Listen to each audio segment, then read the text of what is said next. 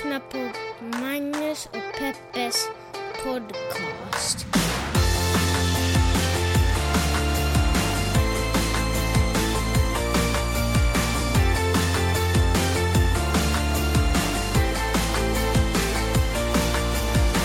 Hallå internet och hjärtligt välkomna ska ni känna er till podcasten som heter Magnus och Peppes podcast. Det här är ju den podcasten som handlar om det som har hänt i veckan, stort och smått. Och så pratar vi om det ur ett eh, journalistiskt, eh, feministiskt och mediegranskande perspektiv. Ja, på något sätt så vill jag också säga kulturhistoriskt. Varför vill du säga det? Jättekonstigt. Kulturhistoriskt. Ja, men ibland vill Varken min... du eller jag vet väl någonting om kulturhistoria? Ja, men ibland... Lite populärhistoria från 80-talet kanske? Ibland vill min... Ja, nu har Maj-Lis bajsat. Eh, Då tar vi ett avbrott och så går vi alla och tittar på det. Så hörs vi om några sekunder igen. Så, nu är Maj-Lis rumpa ren, så då kan vi dyka ner i väsentligheter, nämligen vädret i Los Angeles. What's up? Det är ju som att vi bor i tropikerna, höll jag på att säga, fast liksom när det är regnsäsong. Ja, Alltså, det det har har stått som- otroligt mycket. För första gången så har jag verkligen förstått vad det betyder när man säger att regn står som spön i backen. Du vet när regn inte, man ser, inte kan urskilja droppar som faller ner, utan när det är streck.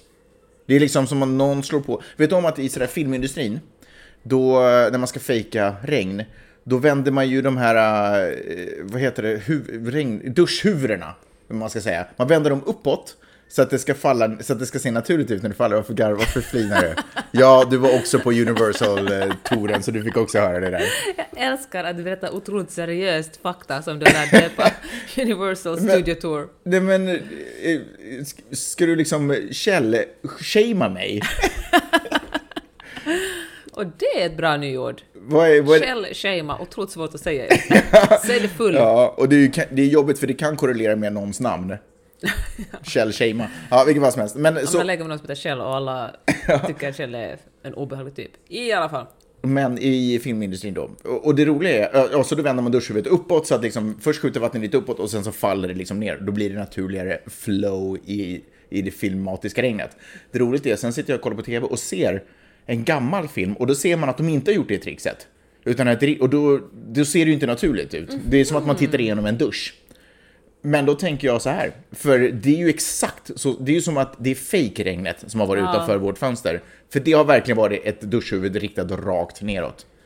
Herregud så mycket vatten. Jag skulle gjort en intervju på lördagen, men då avbokade den här personen skulle intervjua, hon kom, hon kom, från, kom från Santa Barbara, och hon sa att eh, hon kan nog inte köra ner för det är så dåligt väder. Och då tänkte jag först himla med ögonen och var så att, men herregud, lite regn. Men så läste jag några timmar senare att eh, det var faktiskt en brandman som hade dött där på vägen på grund av mudslides. De För att ju- brandmän tål inte vatten. Nej men problemet med regnen just nu är ju inte bara att de är extremt hårda utan det är det att det brann så mycket i höstas. Och eh, eftersom växtligheten brann bort finns det inga rötter som håller i jorden. Och när det, rinner, när det rinner mycket vatten ner på jorden så bara splashar den iväg. Precis. Ja, men... Så, så kallade jordskred. Just det, så hette det. Ja, skitsamma, vi har pratat om det ganska mycket. Eh, men det som jag tror är fine, att det regnar, man kan inte gå ut, man blir, om, om man uppmanas att inte ge sig ut på vägarna. Eh, men, och det betyder att då är vi ju fast i den här lägenheten. Och eh, om vi upplever att vi hänger mycket med varandra annars, så hänger vi ju verkligen mycket med varandra nu, för du har ju inte kunnat gå och rida. Alltså vet du jag börjar känna? Kanske det är inte hästar jag älskar så mycket, kanske det är att inte vara med er som jag är mest så lycklig. jag tror faktiskt det. Men eh, framförallt på dig så märker man ju en humörskiftning när du inte har fått tillbringa lite tid med hästar. Ja. Eh, Vi, låt oss säga hästar, vi använder det istället. Eh, Hur är då? Speciell. Eh, vi, det, det är liksom, vi borde bo större i de, i de tillfällena. Men, och, men förhoppningsvis blir det sol igen och då är ju allting glatt och bra. Snart kommer ju en period då det bara, solen bara lyser. Ja.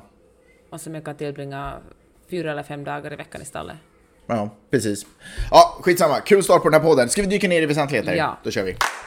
Mycket surr den här veckan kring eh, Instagramkontot aningslösa influencers. Några av mina klienter, eller kunder, eller kompisar, eller vad jag nu ska kalla dem för, eh, vad jag ska kalla er för förstås, eh, är...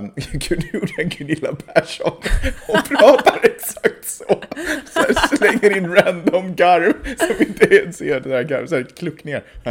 I alla fall. Och jag gjorde till och med handgesten. Ja, anyways. De har ju fått, eh, fått en pisk piskrapp av eh, det här Instakontot. Så spännande förresten att du upptäckte aningslösa influencers genom dina klienter som Mhm. har ett ganska, som inte kanske är enbart positiva erfarenheter av det här kontot. Nej. Men jag upptäckte dem genom någon annan, kanske genom någon, någon journalist som eh, tycker att det är världens bästa grej. Ja. Och så började vi sm- småprata om det här i bilen och tyckte helt olika om dem. Eh, ja. Ska jag berätta vad de gör? Ja, Eller du följer du dem på Insta? Jag följer inte dem på Insta. Är det en principsak? Känns det Nej, illojalt? det är inte en principsak. eh, Men jag följer inte Det är i alla fall ett, ett eh, Instagramkonto som eh, uppmärksammar influencers med fler än 20 000 följare som inspirerar till att flyga mycket. Vad som får betalt för att få andra människor att flyga mycket. Och, eh, och den här kontot lägger det upp att hej, du som nu, det här, den här influencern har flugit i Bali, Los Angeles, Nice, Oslo och räknar upp alla ställen och gjort av med så och så mycket koldioxidutsläpp. Och eh, det här motsvarar, om vi ska ha en kvot på ett hållbart levande, är det så här många personers kvoter den här personen flugit upp.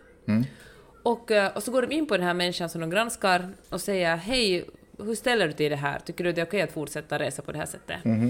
Och i nio fall av tio så får den här influencern panik och blockar konto och raderar kom kommentarerna. Och då skriver den aningslösa influencern om det i- på sitt konto. Hej, vi försökte nå den här influencern men eh, hen henne vägrar svara på våra kommentarer och radera vår fråga. Och jag tycker det är ett, ett ganska bra sätt att uppmärksamma flygning. Om man går med, om man, om man inte är en klimatförnekare och inte tror att flyget på något sätt påverkar eh, miljöförändringen så är det ju, så är det ju ett otroligt bra sätt att, att fundera kring, eh, kring miljön.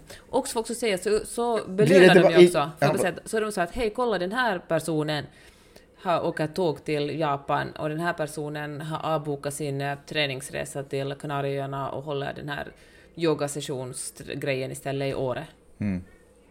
Ja. Eh, ge dem in, om, om influencern i fråga som har fått, Mm. som har fått frågan vad, vad, tänker du här? Eh, svarar, ger de sig in i debatt då? Alltså de, Ja. de, debatterar de på de här influencernas Ja, konto då? Men min, min erfarenhet, nu har jag faktiskt inte följt de debatterna, jag följer bara konton, men jag följer liksom, hänger inte på alla de influencernas Mm. sidor, så jag, tror, jag upplever inte att det är aggressivt. Kanske de har varit sarkastiska, vilket faktiskt är aggressivt, men jag tycker ändå att det åtminstone börjar med att vara väldigt sakliga. Mm. Och så tänker jag så att det, det som jag tycker är jättespännande med det här är att, de har, de här, att det här kontot, aningslösa influencers, har fått så otroligt mycket uppmärksamhet. För de har ju egentligen ingen som helst... Eh, alltså de, det är ju, de gör ju ingenting annat än uppmärksamma någonting som existerar.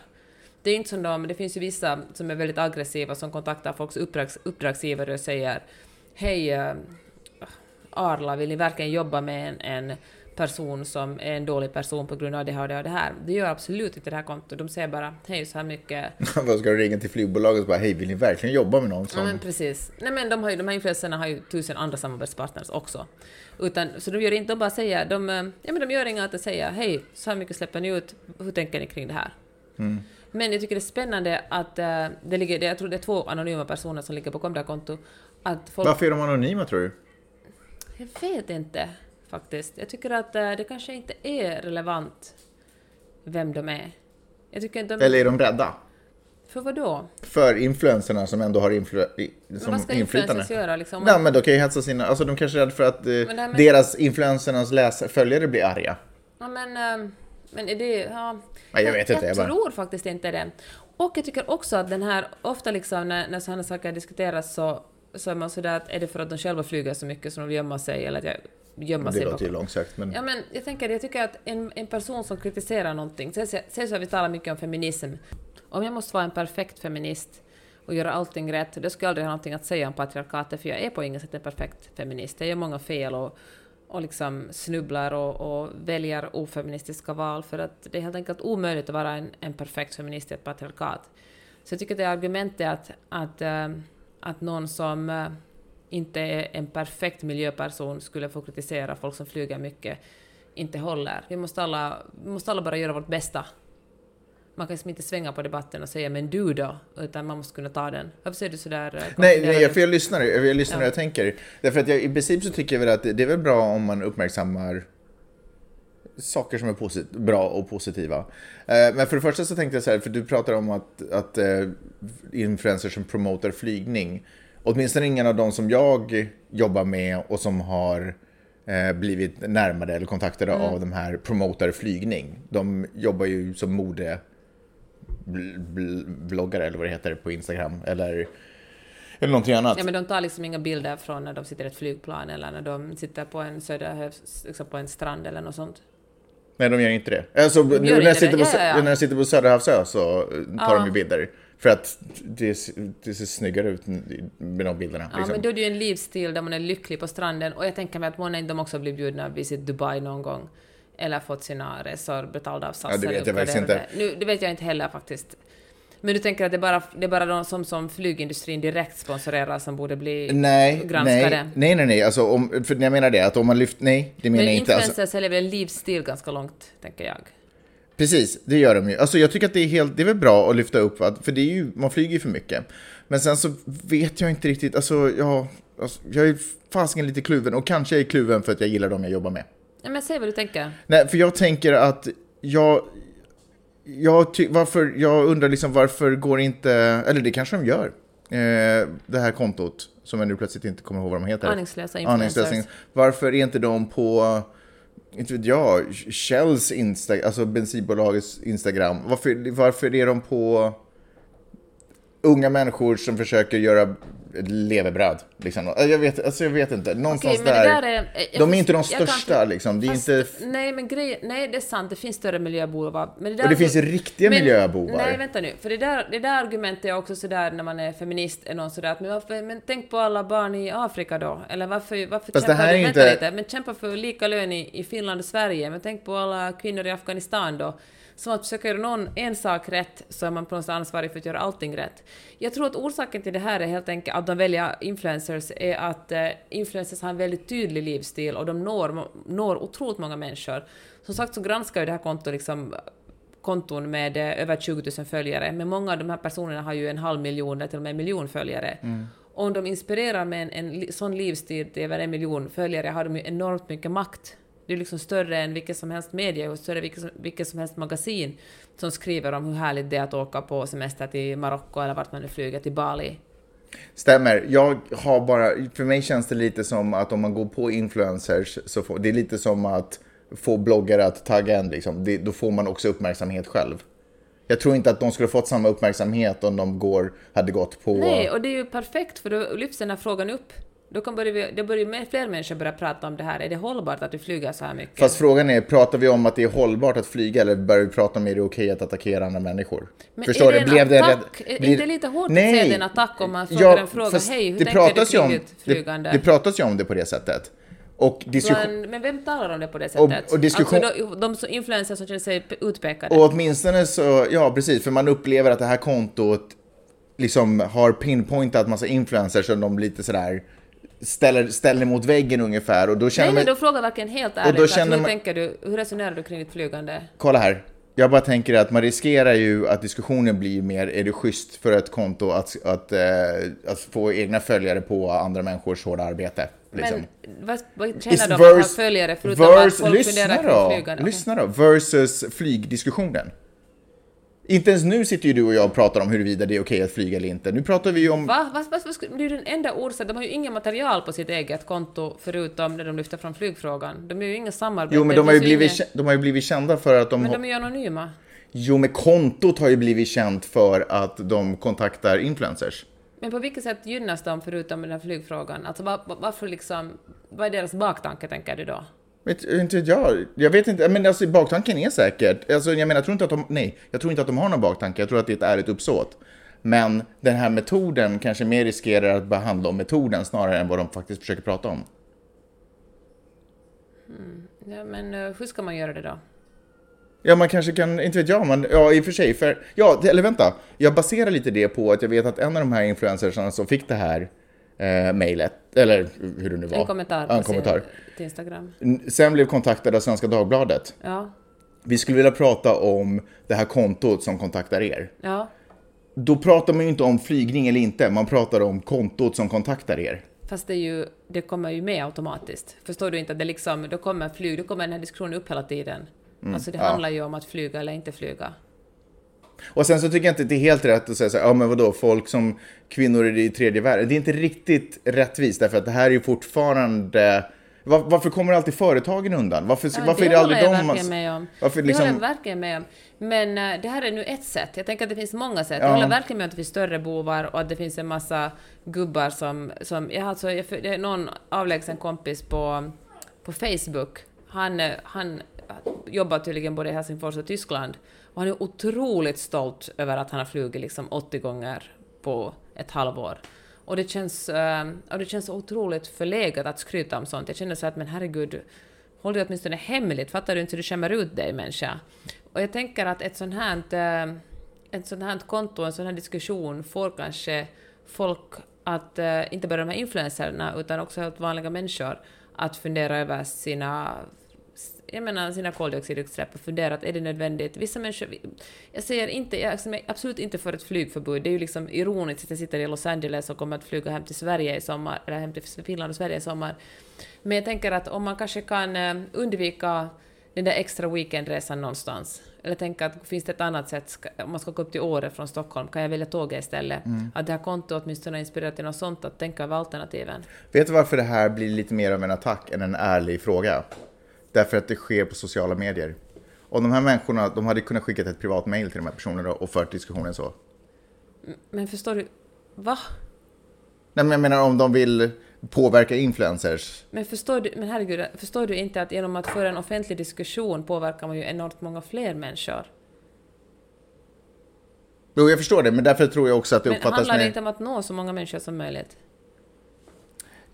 Jo, fast det handlar väl huvudsakligen... Jo, jo, ja, jo i och för sig. Och tänker Men jag här, tänker att det skulle inte vara- liksom inte, jag håller med om som du säger, det är liksom massa unga kvinnor som är entreprenörer, vad duktiga de är. Men det måste finnas andra alternativ. Eller uppenbarligen finns det andra alternativ. Det finns eh, influencers som väljer att ta tåget istället, eller som väljer liksom som väljer helt enkelt alternativ. Jag tror absolut att det går att försörja sig som influencers, influencer utan att flyga åtta gånger om året. Alltså det, det, liksom, det kan inte vara en, en dealbreaker. Ja, jag vet ingen som flyger åtta gånger om året, men Nej, men du måste följa det konto för herregud så alltså åtta gånger liksom är ett eh, Alltså det, det var taget i underkant. Mm. Men följ det, alltså, jag rekom- alltså på riktigt. Du kan ju avfölja dem sen om du tycker att de är dumma. Nej men, Men det handlar de- inte om dumma, de gör väl en bra sak i princip. Men jag, jag, jag kanske inte riktigt, jag vet inte riktigt. Jag är lite, inte, he, jag är inte Men jag helt såld. fattar det, för du är ju liksom Jag förstår att det känns olustigt för de här Fast det är inte bara lojalitet, alltså jag är kanske lite mer cynisk här. Jag, alltså jag vet inte, det är någonting... Jag känner att om jag hade stört mig på en människas beteende så skulle jag liksom kontakta den personligen. Liksom. Jag ändrar Men inte beteende. är- men Över- men lyssna, för den här influensen har ju ändå, precis som du säger, en massa följare. Så övertygar den om att det jag tycker är asbra så kommer ju det ju återspegla sig i den personens konto och, och påverkas alla sina influencers. Fast vet du vad grejen är? Eller kommer de? Ja. Är det inte lite softare att åka business class ändå? Bara, och Men, på eh, en vänta, strand? fast- Eh, om man får ett, om man får ett, business och couch spelar ingen roll, det är väl samma flyg. Tvärtom är det ju mycket, alltså om du reser business är det ju ett större utsläpp för då tar du upp större plats. Plus att du plussar på I massa saker som inte ens, det är inte ens det vi pratar om. Liksom, nivån på flygandet vet vi ju ingenting om, eller? Ja, men det vet man, alltså de lägger ju alltid ut bilder från de åker business class. Mm. Alltså det är ju en stor del av det. Och åker man, det är mycket softare att åka liksom business eller plus, men då tar man upp mera plats och då liksom Ja, ja. är man ett större avtryck. Men jag tycker det som var intressant som du sa, det är en privatperson. Men det är ju inte en privat, alltså det är ju ett stort företag. Alltså influensen är ju bara inte en... bra- Har du liksom en, en halv miljon, har du 100 000 följare, har du 50 000 följare, är du ett företag. Jag antar att du har ett företag som du fakturerar andra företag för att göra samarbete med dig. Det är ju inte liksom... Man säljer ju en bild, en livsstil av sig själv. Det är ju liksom inte en... en det, är ju inte, det handlar ju bara inte om, om en vanlig person.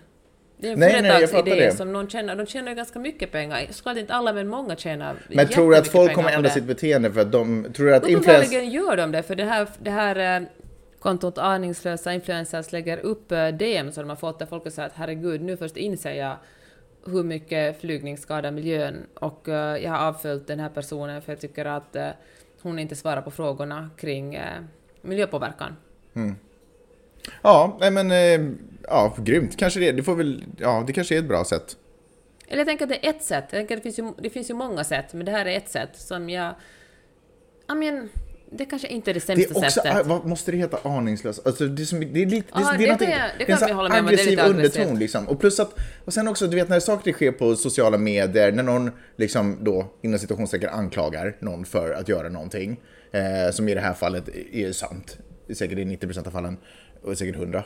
Eh, man vet aldrig heller vilken spin det får och vad, hur folk ska reagera. Du vet, det kan ju bli du vet, drev och så. Alltså du vet, folk kan bli riktigt obehagliga. Så att det är liksom, hela situationen blir lite sådär, vad kommer hända nu? Det blir liksom som en duell där man bara stannar upp och vad kommer hända? Kommer någon dö av det här liksom på något sätt? För det finns nästan lite alltid risk när någon Moder jord. Ja, precis. Det är ju konstant döende på grund av det här. Men jag menar, när folk ehm, ställer varandra mot väggen så blir det lite aggressivare än om man till exempel bara skulle gå fram till någon på gatan och vara sådär eh, Du, har du tänkt på? Du flyger fan eh, helt idiotiskt mycket. Kan du bara sluta med det? Fast det är väl den offentliga diskussionen man är ute efter. Jag läste att Spotify kanske ska köpa upp Gimlet Media, som är en, eh, en ganska, ett ganska stort podcasthus här i USA. Aldrig hört talas om Gimlet Media. Men jag tror att det är folk som jobbar på This American Life till exempel, som är med där. Alltså, och de har producerat den här, eh, vad heter den här podcastserien? Alltså är det produktionsbolag? Ja, ja, alltså, ja, det måste väl vara. Ja, precis det är det. För de har producerat den här Homecoming som eh, gjordes till serie med Julia Roberts på Amazon, Yes. alltså en podd som blev tv-serie. Så det är verkligen ett av de eh, större poddproduktionsbolagen i USA. Och jag tycker det är superintressant, för jag hörde dig prata om att du lyssnar på allt fler poddar på Spotify. Mm, jag gör faktiskt det. För då tänker jag... Who would have thought? Ja men tänk det, det har jag inte ännu gjort. Men nu känner jag att är det faktiskt så att Spotify kommer att satsa på poddar vid sidan av musiken? Ja, alltså iTunes kan ju inte göra det här och jag tycker det är så intressant för iTunes har egentligen bara blivit med podd. Förstår du vad jag menar? De hade bara... De råkade bara göra möjligt Det för fanns folk... på fel plats för fel Ja, tidpunkt. de råkade bara göra det möjligt för folk. För folk hade iPhones och de råkade göra det möjligt för Mm. folk att kunna lyssna på podd. Och sen så helt plötsligt så exploderade det. Det var väl ingen som trodde det när de gjorde det liksom, Mm. gjorde sin första beta på det, liksom det. Eh, och så exploderade det och nu är det väl, inte vet jag, nu över 500 000 olika poddar. Jag vet inte hur många miljoner av avsnitt som laddas upp dagligen liksom. Eh, men de kan ingen möjlighet att tjäna pengar på det. Därför det finns ju ingen betalmur. Till skillnad från låtar så laddar ju folk alltid ner låtar, Varför kan böcker. de sätta betalmurar och säga det här, den här podden kostar så och så mycket? Det skulle de kunna göra, men eftersom de inte heller tror på, Jag tror att gamla avsnitt av This American Life faktiskt kostar. på, På iTunes. Ja. Ja, det får ni Strunsamma. googla det medan, eller kolla det medan jag fortsätter ranta här. Eh, för det tycker jag är så otroligt intressant och det är därför deras podcaster-app slackar otroligt mycket jämfört med all, eh, alla de alternativ som finns där ute i olika podcastspelare. Därför att alla pengar, alltså de får inte tillbaka pengar på något sätt. In cleaver Spotify, det är ju redan en betaltjänst. Vi har bara glömt att vi prenumererar på Spotify. Men det är ju redan en betaltjänst. De drar ju redan in cash. Varenda gång du lyssnar på ett podcastavsnitt, ching så drar de redan in pengar liksom. Och det är ju det som gör att jag tror att de kommer ha otroliga möjligheter. Och det är också så ganska, jag tycker också så fascinerande roligt för vi, hur länge som helst har man ju suttit och snackat om att folk inte är redo att betala för innehåll. Och du som lyssnar på det här vet ju att det är inte ens sant, för du betalar ju, obviously. Eh, men hur mycket andra människor som man pratar med säger nej, folk är inte redo att betala för poddar. Boom, inklusive Spotify. Boom, du betalar för poddar. Varsågod. Det är ju ett genialiskt sätt av Spotify att få fler prenumeranter eftersom podcasting är så stort. Så fånga in dem som både gillar musik och podcaster. Det är ju såklart de gör det. Förresten, jag kollade upp det här med This American Life.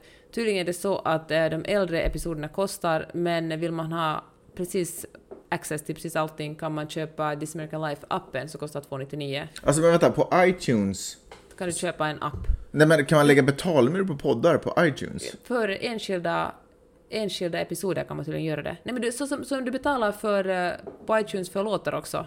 Eller audioböcker. Ja, jag fattar. Jaha, jag visste inte. Undrar fanns... Jaha, undrar... Jag visste inte ens att den där inställningen fanns. Jag tycker i alla fall att den stora vinningen är att eh, alla som har sagt att ingen kommer betala för poddar, nu bevisas det att det gör man ju. Det kan man ju göra. Om det bara görs på ett smidigt, smart sätt. Jag säger ha, Hufvudstadsbladet. Sverige har fått en ny kulturminister. Hon heter Amanda Lind, eh, representerar Miljöpartiet. Woop, woop. Jag ska bara göra resten för dem. Skitsamma. Ehm, hon har ju, det har ju snackats mycket om hennes hår. Och så har det snackats mycket om, men kom igen, ska man snacka om hennes hår? Är det verkligen relevant? Men jag tänker att vi ska snacka om hennes, Hår. du har rätt. Därför, rätta mig om jag har fel. Men ägnar sig inte kulturministern åt kulturell appropriering? Motivera det där. Det är dreads. Ja. Är det lämpligt att en kulturminister ägnar sig åt kulturell appropriering? Men är det kulturell appropriering? Nej men, hade hon haft fjädrar i håret så då hade det inte varit en diskussion det här. Nej. Men nu är det rastafari som inte bara räknas liksom. Men, hmm, alltså jag förstår det. Granted att rastafari inte har patent på dreads. Ja, alltså Det- jag har såklart tänkt på det, för vi har talat mycket om kulturell appropriering i den här podcasten. Och jag kan förstå att det finns eh, svarta i USA som har dreads som blir behandlade på ett Och sätt på Jamaica. och som är oacceptabelt, som har svårare att få jobb, som har eh, ja, men som blir skickade hem från skolan och säger att klipp dig och eh, ja, men som blir diskriminerade just del, på grund av sin hudfärg såklart, men också på grund av sitt hår. Men jag tänker i eh, Sverige, i liksom enheten Sverige, i den svenska kulturen, ser jag faktiskt inte dreads som ett, som ett problem. Jag Du- menar, ska hon Va? ha en fjäderskrud? Men det är ju inte en, det är inte en kulturell svensk frisyr. Eller ett Men hår. vad är en riktig svensk frisyr då? Det är snaggat på sidorna. Nej, jag skojar bara. Nej, men whatever. Jag vet inte. Jag Nej, men har... jag tycker det är en jätterelevant fråga i det här fallet. Hon har ju adapterat den redan som barn, eller som ung, ja som barn. Eh, för att den är ett nog, för att det är ett statement. Eller för att hon tyckte det var snyggt. Ja, men hon, är, hon har ju adapterat den ifrån en annan kultur. Nu känner jag att jag kanske talar emot mig själv, vad jag sagt tidigare på podden, men nu får vi bara se det som att jag har utvecklats som människa eller Nej. tänkt till. Det är straight up kulturell appropriering, vi behöver inte ens diskutera Tycker det. du? Jag tycker faktiskt inte det. Men hur kan det inte vara? Det är ju... Men jag tycker inte att det jag tycker så att om du jämför med en fjäderskrud, eller att man klär ut sig till någonting, att man, att man använder en annan kulturs eh, religiösa eller liksom medel och klär ut sig till en sexig indian eller klär ut sig till en sexig, vad vet det jag. behöver inte vara sexigt för att det ska vara kulturell man appropriering. Liksom, nej, det tycker jag men det var ett exempel, att man förminskar den kulturen. Jag tycker snarare att eh, hon kanske breddar lite den svenska synen. What? På hur? Ja. Va? Jag tycker faktiskt det. Är det liksom- skillnad på hennes hårstil och fjädrar i håret? Ja. Att Nej. ha liksom en traditionell fjäderskrud som ursprungsbefolkningen i bland annat USA du har haft, det tycker jag är en enormt stor skillnad. Där var det ju liksom stor skillnad på vem som hade hurdana fjädrar, liksom en vi- vise man hade en viss sorts fjäderskrud, hövdingen hade en annan, och så om man sätter som svensk sätter på den och, leker, och är- går på maskerad, då tycker jag det att hon har ett an, en annan kulturs Men dreadsen, system. dreadsen är ju liksom åtminstone så i modernt eh, så, eh, historia, eller vad Mm. man ska säga. Nej, det var, det var inte helt rätt uttryckt. Men dreadsen idag är ju otroligt starkt förknippat med rastafari-kulturen. Det är ju en religiös kultur. Mm. Eller Mm. Vad religi- betyder det liksom? Vad, liksom inte vet jag vad det betyder, inte vet jag, men det finns säkert något smart. Samma sak som eh, mohammedaner har och sådär, vissa islamiska förgreningar, att det är viktigt med långt skägg, eller de jude, jude, extremjudarna har... Mm, har lockarna. Ja, men exakt. Men alltså jag förstår vad du menar. Jag säger, skulle hon bli minister i USA, skulle jag tycka att det skulle vara, eller på Jamaica och vara vit och ha gått. dreads. Det går Nej men, inte. men lek med tanken. Tycker jag att det skulle vara ett, ett, ett problem, för det verkligen är kulturer där människor med... Men vi har ju diskuterat det här i massa andra case. Vet du vad? Får jag säga en sak? Vet du vad jag tycker? Jag tycker att kulturell appropriering är 2019-tals svar på blackface. Ja. För att man tar någonting annat. Eh, Alltså fair, fair enough att blackface förlöjligar. Det behöver inte alls vara frågan om, det är inte det jag säger. Men man tar åtminstone någonting som egentligen inte tillhör en själv och gör det till sitt eget med sitt vita Fast privilege. allt kommer ju någonstans ifrån. Vem är du? Kan jag få Jeanette Öhman Jag tillbaka? vet, alltså jag vet, jag kanske, ja men kanske jag tänker helt fel nu, du får rätta mig. Och kanske det finns faktiskt, nu tänker jag så här, det finns säkert svarta med dreads i, eller jamaikaner i, i Sverige som har blivit diskriminerade på grund, på grund av sin Nej men i frisyr. Sverige, det, det är väl inte relevant? Ja, men, Det är ju inte på grund av den amerikanska ursprungsbefolkningen i Sverige som vi, är, som vi inte ska gå omkring i fjäderskrud och tomahawk i sidan. Liksom.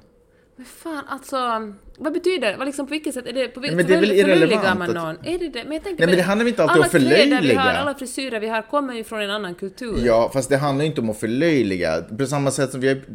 Du, herregud, du var ju... Du nästan brann när vi pratade om Dia, Dia de los... Men det var det jag sa, att jag, ja men Dia de los Muertos är ju väldigt tydligt en religiös högtid. Ja, det är ju det är liksom någonting där man hedrar de döda.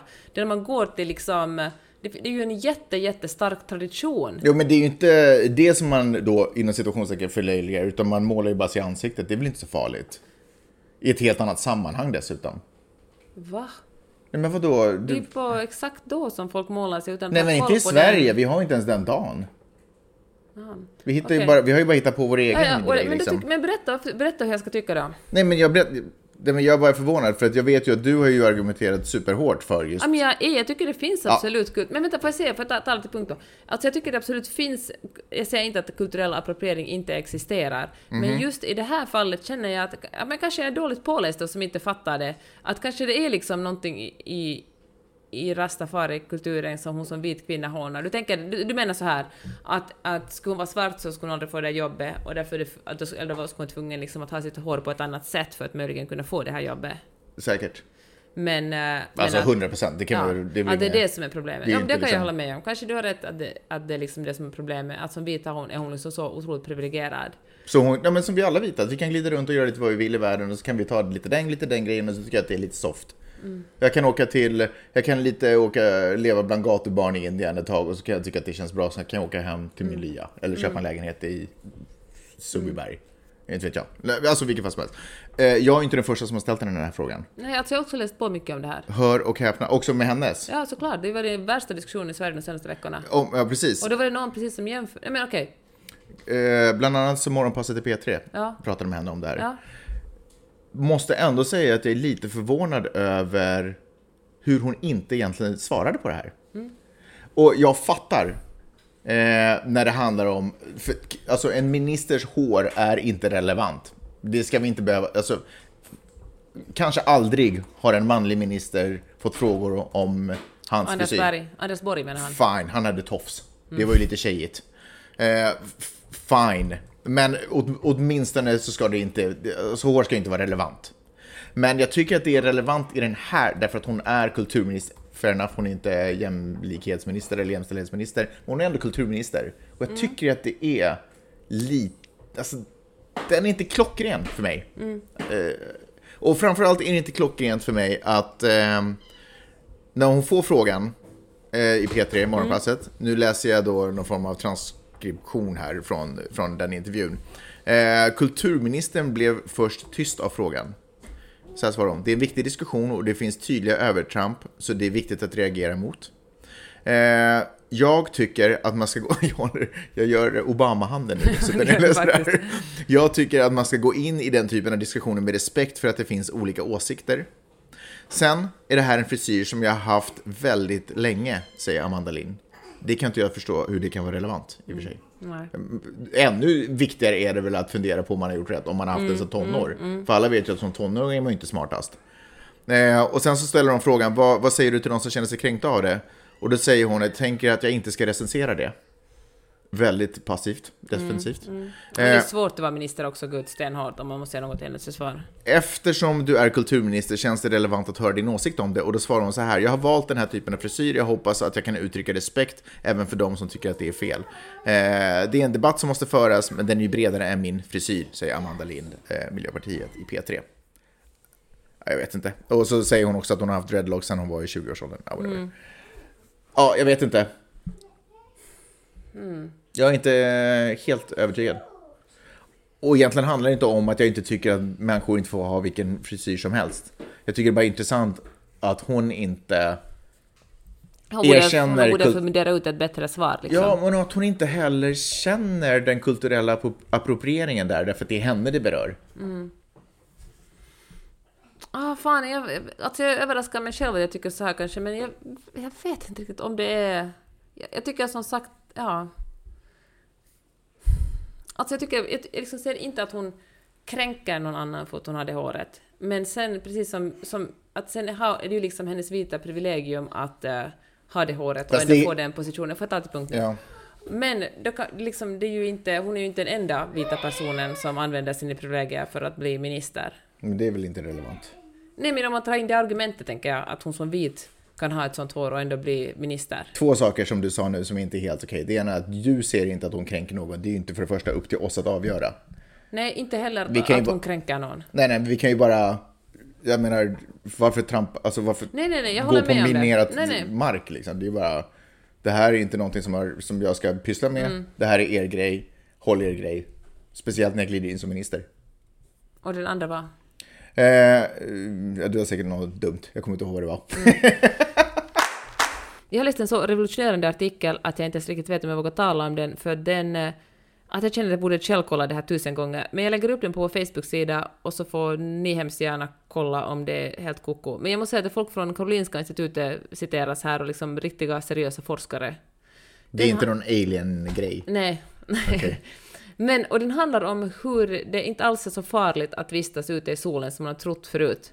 Jag är ju otroligt rädd för solen. Alltså jag drar ju på mig solskyddsfaktor 50 när jag går ut. Men jag gör det. Jag tänker att jag kommer att ha så här ledarhy och vara liksom... eh, Jag menar att jag kommer att se ut som ett bälte i ansiktet om jag inte gör det. För att solen skiner ju, okej inte den här helgen men nästan alla andra dagar skiner solen här. Och eh, så jag har varit otroligt... eh, Jag, menar, jag tänker att jag kommer att åldras snabbt i den, på de här breddgraderna. Men nu visar det sig att eh, det är, okej, hyn kanske åldras, men det är väldigt hälsosamt att vara ute i solen. Och det är hälsosammare att vara ute i solen än att inte vara det. Alltså att få D-vitamin från Vad, solen. sur, vad är det för revolutionerande artikel här? Nej. Håll i hatten gott folk. Nej, men det finns, för det första finns det, man är ju, du tänker jag som inte tänker så mycket på ett utseende, eller det gör du, men du kanske inte tänker så mycket på solen. Du, du är sådär, åh jag vill inte vara i solen för att få hudcancer. Visar sig att det finns jättemånga olika sorters hudcancer och de allra flesta är inte dödliga. Nej, men Man väldigt få de är ju hälsosamma för i alla fall. Det är det. Men solens hälsoeffekter är mycket större än att inte visas i solen. Så det är värt att få lite hudcancer. Okej. För Melanoma- du är ändå friskare liksom med hudcancer Och din du är... kropp har lättare att tampas med den här cancern också. Också de som fick melanoma, som är den dödliga hudcancern, som är den farliga, typ mellan 1 och 3 procent av som får hudcancer får tydligen den, den här artikeln. Också de som, som har vistats inomhus, ändå fick cancer, hade svårare att tackla den här cancern än de som vistades ute i solen. För solljuset ger, alltså D-vitaminer som solljuset gör att kroppen producerar, är så otroligt hälsosamt för oss. Tydligen att vara ute i solen är bra för depression, stroke, eh, hjärtattack, eh, osteoporosis, diabetes. Nu låter jag som jag skulle sälja något Ja, hittepåpiller. verkligen. Men det är så... Alltså det är bara... Men fråga, får jag fråga en sak? För du började med att snacka om att du eh, skyddar dig mot solen. Ja. Eh, och, och sådär. Så du, vadå, du har typ eh, 50 solskyddsfaktor när Ja. du ska ut. Och, men du är ju ändå ute i solen. ja. Räknas inte det då bara för att du har Nej, solskyddsfaktor på dig? blockar, tydligen blockar solkrämen väldigt Det är mycket. hälsosamma för det ja. blockar UV-ljusen. Ja. Intressant va? Och där känner ju liksom också en av de här forskarna som... som Så jag borde ju vara liksom ja, prime of my life. 200. Åh, herregud. Och som Vilka sa sköna sådär, sista hundra år. Men, ja, verkligen.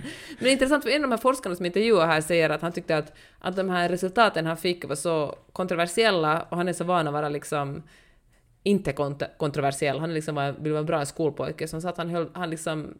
Han höll dem hemligt? Ja, eller han ville liksom inte snacka om det för det kändes så kontroversiellt, för det man har lärt sig alltid är håll er borta från solen. Tror du han gick omkring ute i solen och funderade på vad han skulle göra med de här resultaten? Jag tror det. Han sa sådär, Richard Weller hette han. Mhm. Nej men för, under år så höll han det hemligt det här för att han tyckte att det var, ända sedan 2010 när han fick de här resultaten, så, så var han sådär att men kan det här verkligen stämma? Herregud så jag låter som en konspirationsteoretiker nu. Det är hälsosamt att vara i solen, Magnus. Nej, Men jag, så jag fattar, har, fel. har inte alla vetat då? Vet man inte det? Att det är hälsosamt att vara i solen? Nej, jag tror tvärtom. Att man ska hålla sig i skuggan, man ska jag- hålla sig borta från solen, man ska liksom inte... Jag menar, ja. Nej men jag, jag fattar så här, för alltså, jag har väl också så där, det är inte bra att bränna sig i solen. Nej. Eller hur? Men det kan ju inte hans forskning komma fram till att det är det. Nej, Nej, Det, det är inte alls Nej men exakt, det är sig. ju det som inte är bra. Men att vara ute i solen utan att bränna sig, det måste ju vara... Det måste väl alla fatta att det är väl bra.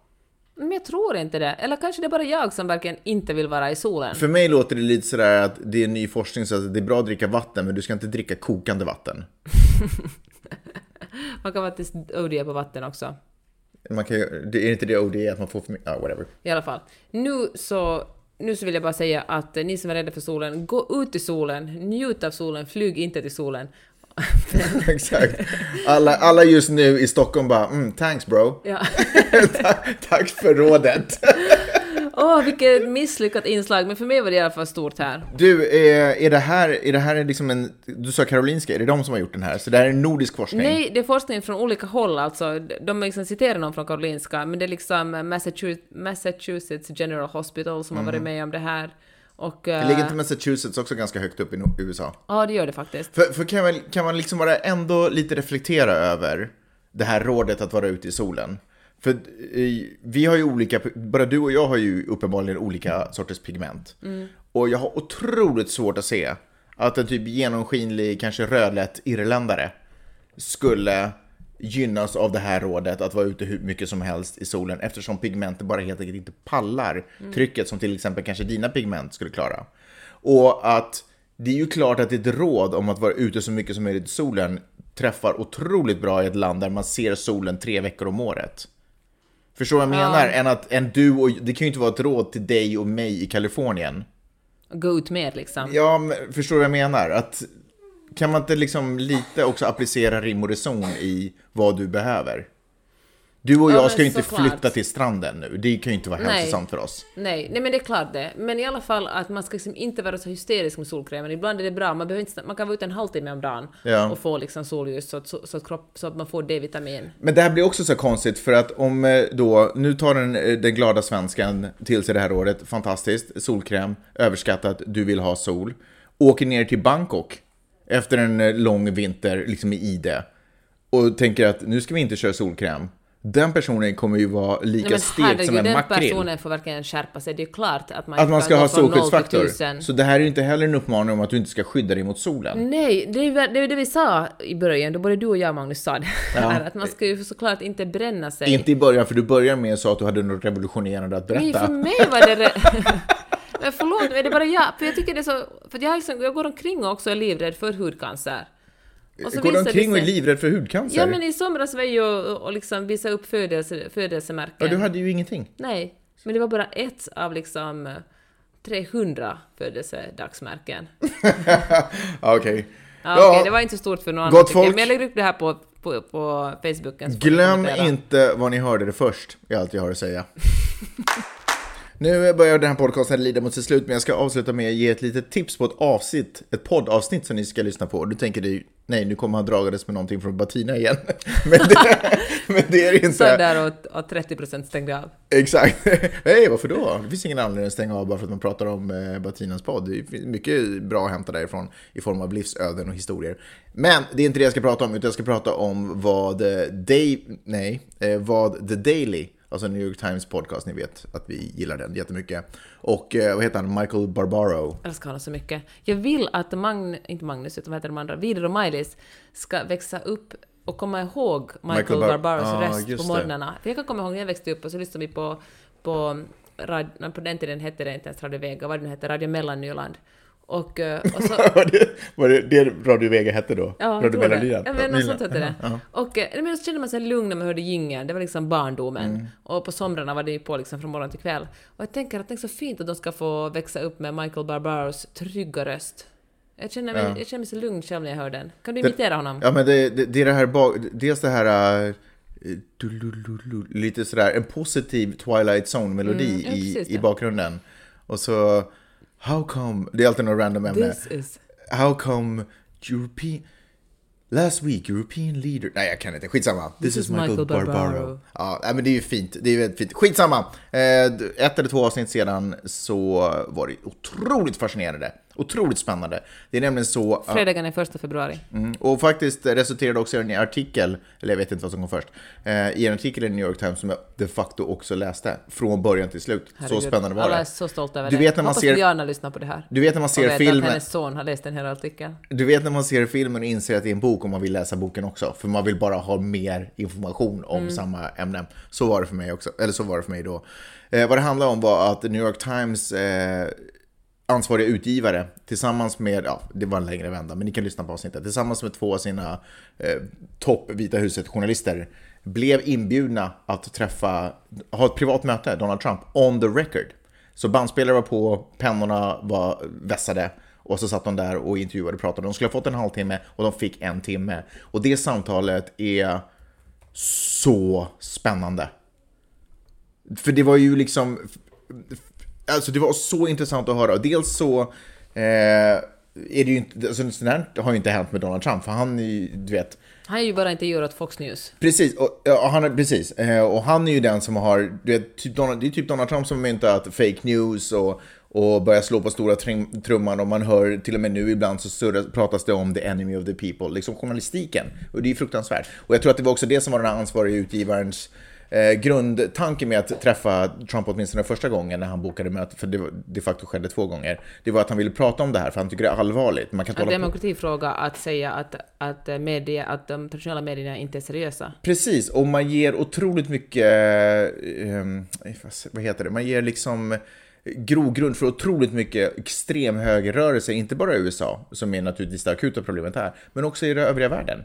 Man ger liksom legitimitet till massa galenpannor. Och, och de var lite sådär, är du, är, du liksom medveten om det? var lite den, den diskussionen jag ville eh, ha med Donald Trump. Eh, och det var otroligt intressant, de pressade honom på frågor.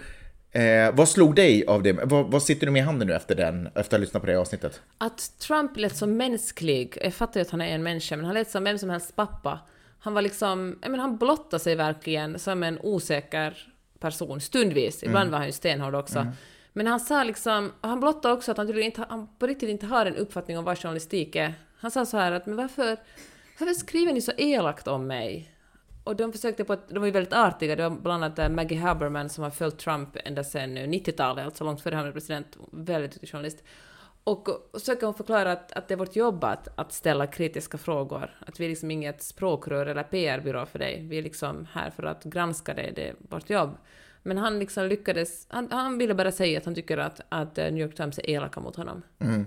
Eh, typ samma sak reagerade på, fast kanske, ja men lite så. Eh, jag kände också att, jag kände mer sådär typ att så mycket av den här aggressiviteten som han riktar mot eh, liberal media huvudsakligen, kommer liksom, det, det, det kom ner till när han då, precis som du sa, att jag är en, jag är en snubbe från Queens. Liksom. Jag är en, av- ni, är, mi- ni är ju liksom min hemmatidning.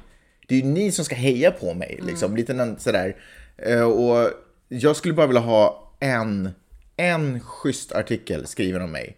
Att det, för det, någonstans så, även fast han hatar eller snackar så stort om att de, är- det är en mer så älskar han ju att läsa New York Times. Han har ju otrolig respekt för den tidningen.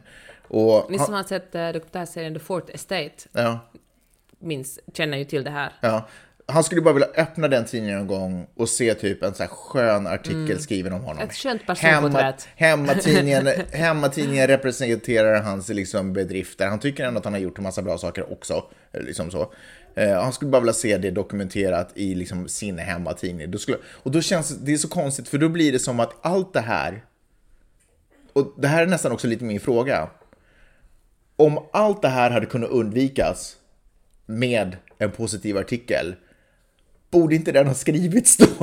Förstår du vad jag menar? Fast jag tror ju bara det skulle bara mata hans ego. Ja. Då skulle han bara blivit större, en större tyrann. Jag tror liksom inte... Jag tror... Han behöver visserligen en kram, Mm. men jag tror inte att det är lösningen. Han behöver en kram, men det är inte lösningen. Så Nej. då ska han inte få en kram. Nej men han ska inte få en, en... eh, Han kan få en kram, men kanske inte från journalistiken. Journalistiken måste hålla sin integritet. Mm. Jag tror det är otroligt viktigt att eh, det inte journalistiken, New York Times, som ger honom den kramen. De kan ge honom en kram när han förtjänar det, men det ska ju inte vara en okritisk kram. Ja, Jag hör ju vad du säger, men jag undrar om eh, de där tre journalisterna ändå inte satt i taxin på vägen hem och var sådär, finns det någon på liksom, du vet under rubriken noterat i tidningen, finns det någonting positivt vi kan lägga in där om Donald Trump eller någonting sånt? Får jag säga en, en snabb sak ännu om uh, högermedia? Så här är det. Högerextrema röster, ska säga, så gynnas av sociala medier. Eftersom sociala medier gynnas av starka känslor. Alltså det är så de tjänar pengar. Det är så Facebook, YouTube och Twitter tjänar pengar, är att det är en massa människor som engagerar sig. Och extrema åsikter är just det. Och eh, därför lyfter både alla de här, eh, säg Youtube till exempel, fram extrema åsikter. Om du kan kolla på en video som är av Donald Trump. Det här, det här, gjordes, det här experimentet gjordes inför eh, presidentvalet. Kollar man på en, en video av, av Donald Trump kommer nästa alternativ, nå- kommer nästa alternativ, är du kanske intresserad av någonting som är ännu ett steg extremare åt högerhållet. Kollar du på det kommer det ännu ett extremare och till sist kommer det in på någon slags uh, Ku Klux Klan-video.